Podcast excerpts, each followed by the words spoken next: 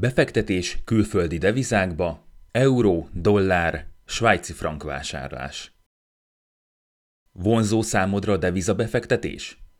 Úgy gondolod, jó lenne, ha pénzed nem csak forintban lenne, hanem euróban, dollárban, esetleg svájci frankban?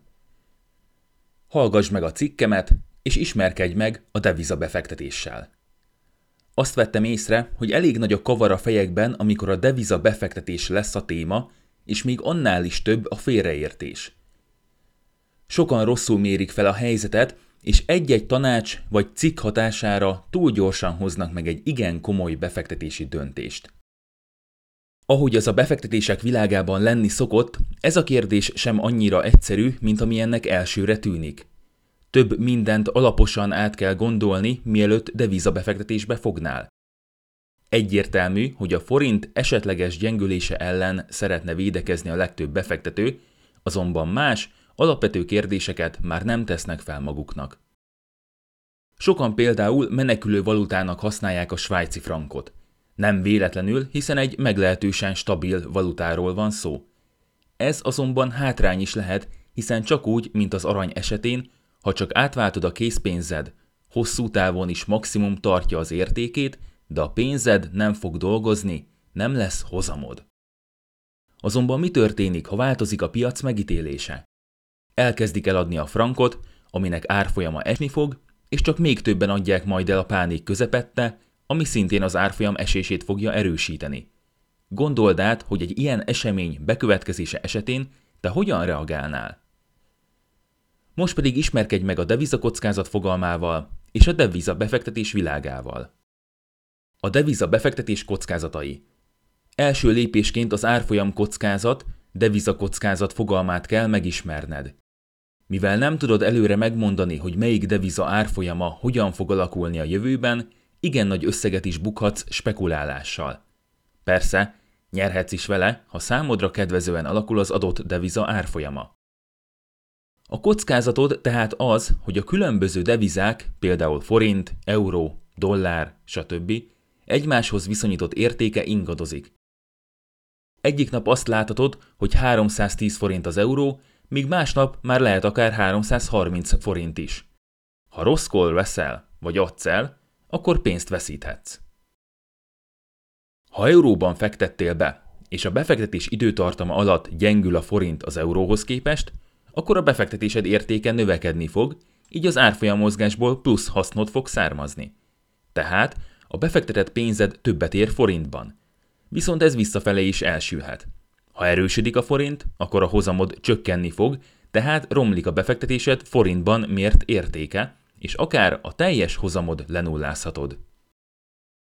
Ha te például forintban kapod a fizetésed, de euróban takarítasz meg, majd ezt a pénzt szintén forintban akarod elkölteni, akkor ki vagy téve a devizakockázatnak. Ráadásul duplán, hiszen meg kell venned az eurót, majd el is kell azt adnod. A devizakockázatnak a teljes befektetett pénzösszegre gyakorolt hatása van. Természetesen nincs árfolyam kockázatod, ha például euróban kapod a fizetésed, euróban fektetsz be, és euróban is fogod elkölteni azt. A befektetéseden elért eredmény nem csak az adott eszközpiac árfolyam ingadozásától függ, hanem az adott két ország közötti devizapiac ingadozásától is. Érdekes kérdés, hogyan látod a forint helyzetét? Általában én inkább negatív véleményekkel találkozok, illetve a különböző pénzügyi cikkek is inkább a porba döngölik megint a forintot stílusban íródnak. Azonban neked sem lesz több információd, mint a piacnak, így a forint árfolyamában már benne van a piac várakozása is. Ha egy amerikai például 2011-ben arra spekulált, hogy az euró tovább fog erősödni, és ezért eurót vesz dollárjából, még most 2019-ben sincs még a pénzénél. Sőt, 2014-15 között még egy 30%-os esést is el kellett viselnie. Érdekességképpen nézzük most meg, hogy miképpen is alakult az elmúlt 10 évben a forint árfolyama más devizákhoz képest. Az elmúlt egy évtizedben a dollár nem keveset erősödött, viszont bőven akadtak itt is olyan időszakok, amikor 20-30 forintot esett az árfolyama. Például, ha 2017 év elején vettél dollárt, akkor két és fél évvel később sem vagy még a pénzednél. Az angol font forint árfolyam alakulása. Ennek az árfolyamnak a grafikonját nem szívesen látják azok a honfitársaink, akik rendszeresen hazajárnak Angliából. Ha valamikor a csúcs közelében vettél fontot, érdekes kérdés, hogy a következő egy évtizedben újra elérheti a 450 forint körüli értéket az árfolyam. Az euró-forint árfolyamának alakulása. Itt is bőven látható a kisebb-nagyobb kilengések. Ha hosszú távra vettél 2010 év végén eurót, akár 50 forintot is nyerhetsz eurónként, ha mostanában adod el. Viszont, ha mondjuk 2011-ben tetted ugyanezt, akkor lehet, hogy csak 7 évvel később lettél újra a pénzednél. Érdekes kérdés, hogy ki tudod-e várni, ha nem kedvező irányba mennek az árfolyamok. A grafikonokon tehát gyönyörűen látszódik, hogy rengeteg olyan pont van, ahol megérte volna beszállni, de olyan is, hogy még sok évvel később sem lennél a pénzednél. Véleményem szerint nem érdemes spekulálnod vagy radikális megoldásokhoz nyúlnod. Józanul gondold át, hogy neked érdemese más devizában való befektetést eszközölnöd. A deviza árfolyam mozgását befolyásoló tényezők. Az árfolyam mozgását több tényező is befolyásolja, és különösen érzékeny a különböző országok gazdaságának változásaira. Természetesen a piac várakozásai is befolyásolják az adott árfolyam szintjét. Az egyik legnagyobb befolyásoló tényező a nagy befektetők döntései. Egy-egy nyugdíjalap, biztosítási alap, befektetési alap hatalmas összegeket fektethet egy adott ország devizájába. Mivel óriási tőkéről beszélünk, egy-egy ilyen befektetési döntés képes elmozdítani a deviza árfolyamát bármilyen irányba. Csak a norvég állami alap például 2013-14-ben 300 millió dollárnyi magyar kötvényel rendelkezett, amely mostanra 23 millió dollár alá csökkent. Nem elhanyagolható az export-import tevékenységet végző cégek működése sem. Az exportőrök érdekeltek lehetnek a deviza eladásában, míg az importőrök a külföldi deviza vásárlásában. Persze, még a különböző politikai bejelentések is hatással vannak az árfolyamra. Egy-egy ilyen bejelentés során ugyanis kiderülhet, hogy az előzetes várakozások beigazolódnak-e, vagy sem. Most, hogy megtudtad, mik a legfontosabb árfolyam mozgást befolyásoló tényezők, hallgass tovább, és derültsük ki közösen, hogy miért is szeretnél devizabefektetéssel élni. Miért akarsz devizába fektetni? A deviza befektetés előtt alaposan át kell gondolnod, hogy egyáltalán miért is jutott eszedbe, hogy ilyen befektetést eszközölj. Mi a terved azzal az összeggel, amit át akarsz váltani más devizára? Már egy év múlva szükséged lesz rá a lakásfelújításod miatt, vagy akár a nyugdíjas évekig mellőzni tudod? Hol tervezed a befektetett pénzt elkölteni? Itthon Magyarországon, esetleg az adott devizát használó országban, vagy teljesen máshol? Egyáltalán nem mindegy, hogy milyen válaszokat adsz ezekre a kérdésekre. Sokaknak nincs különösebb célja a deviza befektetéssel. Csupán arra számítanak, hogy a forint gyengülni vagy erősödni fog, tehát spekulálnak.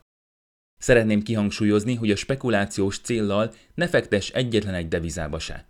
Ugyanúgy, ahogy ne spekulálj részvényekkel vagy kötvényekkel sem, ne a devizákkal kezd el.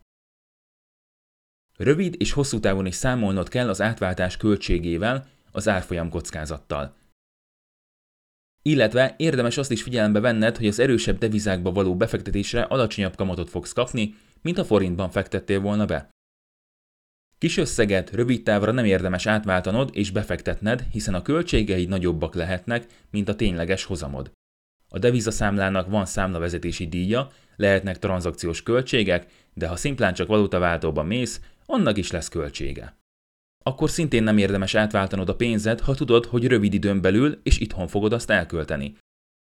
Mivel az árfolyam mozgást nem tudod előre, könnyen úgy járhatsz, hogy pont azelőtt erősödik a forint, mielőtt szükséged lesz a pénzre, így veszteséged fog keletkezni. Ha tudod viszont, hogy egy év múlva több hónapra is külföldre utazol, esetleg külföldre költözöl, akkor érdemes lehet folyamatosan elkezdened átváltani a pénzed. Ezzel is csökkenteted a kockázatodat. Amennyiben hosszú távon is nélkülözni tudod a pénzed, balgasság lenne nem befektetned. Adódik a kérdés, hogy akkor mégis mi befektes külföldi devizák esetén? Milyen módon tudsz devizában befektetni? A legnagyobb kérdés a laikusok számára az szokott lenni, hogy hol váltsák át a forintjukat, és éppen melyik devizát vásárolják meg. A leggyorsabban talán az jut eszedbe, hogy egy-egy valutaváltást követően készpénzben tartod majd a frissen kapott eurókat. Azonban ez nem csak, hogy nem túl kifizetődő, de még kockázatos is. A valutaváltás már alapvetően sem olcsó, hiszen 2-3 százalékot is levonhatnak a pénzedből, de ha még be sem fekteted sehova a pénzt, akkor a további kamatoknak is búcsút inthetsz. Illetve egy betörés esetén könnyen a teljes tőkédet is elveszítheted, így azt javaslom, hogy befektetési célral ne tarts semmilyen készpénzt. Tegyük fel, hogy van 1 millió forintod, amiből dollárt vennél, és a dollár kamata 3%-kal alacsonyabb a forint kamatánál. Ez azt jelenti, hogy 10 év alatt forintban összegyűlne 4% reálhozammal számolva 1.490.833 forintod, míg dollárban 1% reálhozam esetén 1.105.123 forintod lenne. Egyértelmű, hogy érdemes befektetni a dollárt, viszont az már nehezebb kérdés, hogy mibe. Ha befektetsz, akkor mindenféle devizaváltás nélkül is szerezhetsz más pénznemben kitettséget, így sokszor teljesen felesleges csak azért váltanod, hogy devizában legyen a pénzed. Arra is figyelj, hogy például az adott alap pontosan mibe is fektet. Ugyanis eurós alapon keresztül például magyar vállalatok részvényeibe is fektethetsz, így ugyanúgy forintban keletkezik kockázatod, hiába eurót fizettél be az alapba. Tehát nem az számít, hogy melyik ország devizáját vásárolod meg, hanem az, hogy a mögöttes értékpapírok milyen devizában kerülnek elszámolásra. Amennyiben európai részvényt veszel, akkor azt euróban fogják elszámolni, ha amerikai kötvényt veszel, akkor pedig azt dollárban számolják el. A kérdés, hogy hova tudsz úgy befektetni, hogy a deviza kitettséged csökkentsd. Mindig tudnod kell, hogy a befektetésed mögött rejlő értékpapírok milyen devizában kerülnek elszámolásra. Amennyiben európai részvényt veszel, akkor azt euróban fogják elszámolni, ha amerikai kötvényt veszel, akkor azt pedig dollárban számolják el. Devizabetét. Manapság már a legtöbb banknál tudsz akár több devizában is befektetni. Ugyanúgy, ahogy forintban is le tudod kötni a pénzed egy 12 hónapos időszakra, ugyanezt meg tudod tenni euróban, dollárban, svájci frankban vagy akár fontban is. Ezek rövid távra szolgáló megoldások, melyek igen biztonságosak. A lejáratkor visszakapod a tőkédet, és a kamatot is kifizetik. Jelenleg jellemzően 1% alatti kamatokkal fogsz találkozni, így leginkább azért van értelme egy ilyen lekötésnek, hogy ne a számládon álljon a pénz. Állampapír, mint devizabefektetés. Az állampapír egy adott ország által kibocsájtott hitelviszonyt megtestesítő értékpapír.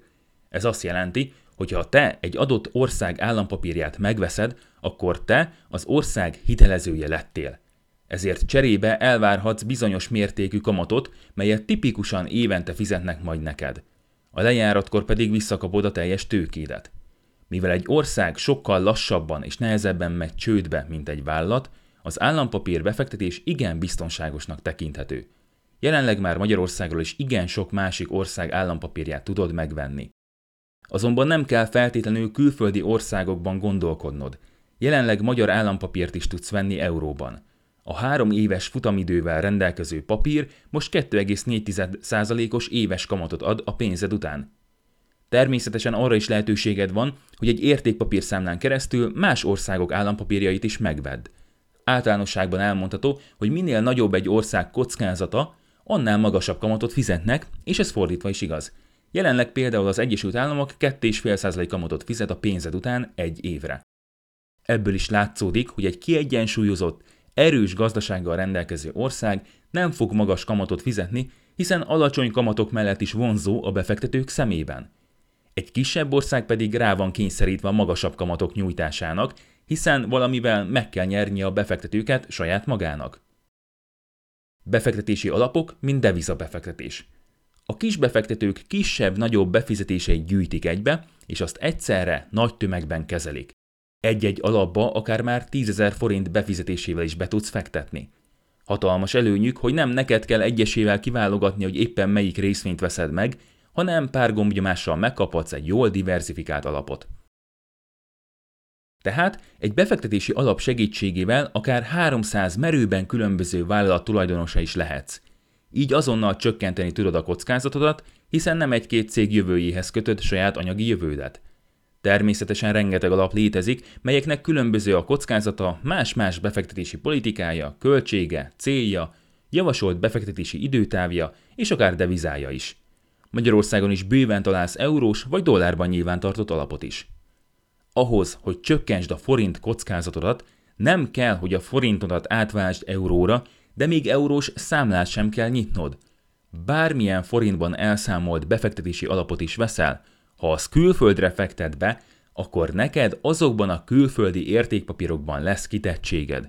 Így a pénzed értéke függ majd az adott deviza árfolyamától és a befektetés teljesítményétől is. Teljesen feleslegesen váltanád a forintodat, ha vennél egy befektetési alapot euróban, és az az alap amerikai vállalatok részvényét vásárolja. Ugyan a hozamodat euróban látnád, de a befektetésed valós értéke a dollár árfolyamától is függni fog. Megértem, hogy szeretnéd akár földrajzilag és devizában is megosztani a portfóliódat. Viszont mielőtt gyorsan hoznál egy döntést, gondold át alaposan, hogy pontosan milyen utat is fog bejárni a pénzed. Sajnos sokan ajánlják úgy a devizában befektető megtakarításos életbiztosításokat, hogy csak az euró biztonságára hívják fel a figyelmed. Csak plusz költséget keletkezik a felesleges átváltásokon, előnyöd semmi nem lesz. Fontos, hogy csak akkor indíts devizás megtakarítást, ha valóban abban a devizában kapod a fizetésed. Más esetben semmi értelme. Egyedi részvény, vállalati kötvény vásárlása. Amikor a deviza befektetés vonzó lesz számodra, gondolhatsz akár egyedi részvények vagy kötvények vásárlására is. Nem csak államok, hanem vállalatok is bocsáthatnak ki kötvényt, aminek megvásárlása esetén az adott vállalatnak válsz a hitelezőjévé. Ezért cserébe bizonyos mértékű kamatot fogsz kapni. A tőkédet folyamatosan vagy egyszerre a lejáratkor kapod vissza. Amennyiben külföldi cég hitelezőjévé válsz, azonnal csökkentheted a forint kitettségedet. Természetesen nem csak kötvényt, hanem külföldi vállalatok részvényét is megvásárolhatod. Ebben az esetben tulajdonossá válsz az adott cégben. Ezzel szert teszel a részvényen járó jogokra, mint például a vállalat nyereségéből, azaz osztalékából való részesedésre. Amennyiben például megveszed az Apple vagy más nagy amerikai vállalat részvényét, akkor a pénzed dollárban lesz nyilvántartva. Viszont a cég bevételei függnek más devizáktól is, tehát ez egy plusz védelmet jelent számodra. Egy ilyen jellegű cég a világ minden táján végez tevékenységet, így a dollár esetleges gyengülése csupán a bevételei bizonyos százalékában lenne érintett. Természetesen az árfolyam kockázat mind kötvény, mind részvény vásárlása esetén fennáll. Érdemes nagyon alaposan megfontolnod, hogy egyedi kötvényeket vagy részvényeket akarsz-e vásárolni. Sokan spekulálnak, de abból általában nem sok jó szokott kisülni. Azt javaslom, hogy ha nem a különböző vállalatok elemzésével kelsz és fekszel, inkább más módját válaszd annak, hogy ilyen deviza befektetés segítségével legyen magasabb diversifikációd. Forex, mint deviza befektetés. Biztosan te is találkoztál már valamilyen hirdetéssel, ahol arra biztattak, hogy most nyiss egy demószámlát és kezdj el kereskedni. Nagy esély van rá, hogy ez az oldal valamilyen forex kereskedéssel foglalkozik. A forex más néven a devizapiac. Ezen keresztül a piacon keresztül van lehetőséged devizát venni, eladni, váltani, ráadásul nem csak a jelenlegi árak alapján, hanem jövőbeli árakra is fogadhatsz. A kereskedés elektronikus úton működik, így gyors, viszonylag olcsó és decentralizált, azaz a világ fizetőeszközeit tőzsdén kívüli piacon kereskedik. A különböző devizákat pénznemekkel árazzák, így mindig párban kereskedik és jegyzik azt. Így könnyű kifejezni egy adott deviza egy másik devizához viszonyított mozgását. Forexen a legtöbb ember pénzt veszít. Ez nem véletlen, hiszen ahhoz, hogy valaki sikeres kereskedő legyen, folyamatosan követnie kell a különböző piaci híreket, mozgásokat, a geopolitikai tényezőket, makrogazdasági adatokat. Ha már a tőzsde szóra is kiver a víz, ne a Forex legyen az, ami befejest ugrasz. ETF, mint devizabefektetés. Az ETF-ek tőzsdén kereskedett alapot jelentenek. Ezeket különböző broker cégeken keresztül tudod megvásárolni, és az értékpapír számládon lesznek nyilvántartva. Az ETF-eken keresztül szinte bármilyen piacra be tudsz fektetni, és bármikor tudsz venni vagy eladni, így igazán likvid befektetési forma.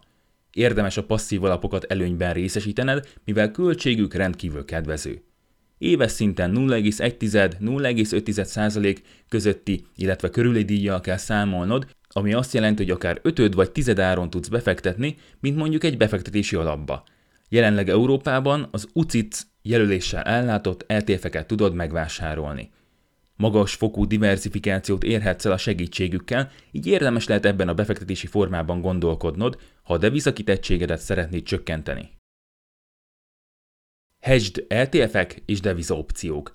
Lehetőséged van úgynevezett hedged alapokat is venned, amelyek más külföldi tőzsdékre fektetnek be. Ezek előnye az, hogy amikor például amerikai részvényeket vesz az alap, azt lefedezik mondjuk euróra. Ekkor az történik, hogy hiába változik a dollár-euró árfolyam, te ebből nem fogsz semmit megtapasztalni, tehát nem keletkezik sem nyereséged, sem veszteséged. Olyan, mintha a pénzed euróban lenne, hiába amerikai cégek részvényét vásároltad meg. Különböző opciókat is vásárolhatsz befektetőként. Az opciós ügylet esetén egy határidős szerződésed van, amely neked például egyoldalú vételi jogot biztosít adott mögöttes termékre, például értékpapírokra, és kötelezi az opció kibocsátóját a mögöttes termék eladására. Természetesen ez fordítva is működik, te is lehetsz eladó. Tegyük fel, hogy opciót vásárolsz arra, hogy 330 forintért eurót vehess a következő egy évben. Ha a forint gyengül és felmegy az euró 420 forintra, akkor nagyon jól fogsz járni, hiszen te 320 forintért megveheted az eurót, amíg mások 420 forintért veszik. Viszont, ha az euró gyengül és leesik 280 forintra, akkor nem tudod lehívni az opciót, az elveszíti az értékét, és elbukod az opció költségét. Ez egyfajta biztosíténként szolgálhat számodra. Ilyen biztosításhoz értékpapírszámlával és bankszámlával kell rendelkezned. Nem mindegyik pénzintézetnél tudsz ezzel élni, így mindig érdeklődj ezzel kapcsolatban előzetesen. Az opció ára függ, hogy milyen időtávon belül milyen árfolyamot határoz meg. Ha csak egy hatalmas forint árfolyamcsökkenés ellen szeretnél védekezni, akkor egy olcsóbb opció is elég lesz neked. Ez egy jó lehetőség arra az esetre, ha például nagy forintes ellen akarsz védekezni, hiszen így nem kell devizát venned, elegendő lesz számodra az opció is. Ezek azonban haladó befektetőknek valók, így mindenképpen tanulja témában előzetesen. Deviza swap ügyletek. A swap ügylet egy határidős ügyletet jelent idegen pénznemekkel. Egy ilyen ügylet során a pénzeszközök azonnali vásárlására és eladására kerül sor. Az előre fixen meghatározott tranzakció két részből tevődik össze. Ezzel a lehetőséggel leginkább import-export cégek szoktak élni, azért, hogy saját árfolyam kockázatukat csökkentsék. Az ilyen ügyletek helyszínei a kereskedelmi bankok. Előre be kell jelenteniük, hogy egy adott intervallumra mennyi és milyen fajta devizára van szükségük, és a bank ezt az igényt párosítja egy ellentétes igényel. Az adott ügylet megkötésekor kicserélik az adott árfolyamon a tőkét. Amikor a kamat kifizetés lesz esedékes, akkor pedig kicserélik a szintén előre rögzített kamatösszeget. Amikor pedig lejár az ügylet, akkor visszacserélik a kiinduló devizájukat, és bezárul a kör. Deviza befektetés adózása. Érdemes még megemlíteni az adózást is a deviza befektetés esetén. A nyesz számlák esetén még a mai napig csak forint alapú papírokat tudsz venni, de hogy azt láttad, ez nem jelenti azt, hogy így ne lehetne más devizában kitettséget szerezned, amennyiben az adott alap nem Magyarországon fektet be. Amennyiben van értékpapírszámlád, és TBS-en keresztül veszed meg az értékpapírokat, akkor van lehetőséged devizás értékpapírok tartására is. Így 5 év után kamatadó mentesen tudod felvenni a befektetésedet. Alapvetően az osztalékok után adóznod kell, de ha egy minősített közvetítői státusszal rendelkező cégen keresztül fektetsz be, az is alacsonyabb lesz. Amennyiben árfolyamnyereséget keletkezik a két deviza közti árfolyam mozgásból, akkor azok után is adóznod kell.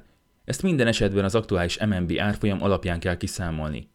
Vigyázz, mert ezt akkor is meg kell tenni, ha vissza se váltod a pénzt, és valójában meg sem jelenik majd a számládon az árfolyam nyereséged. Mennyibe kerül a devizaváltás?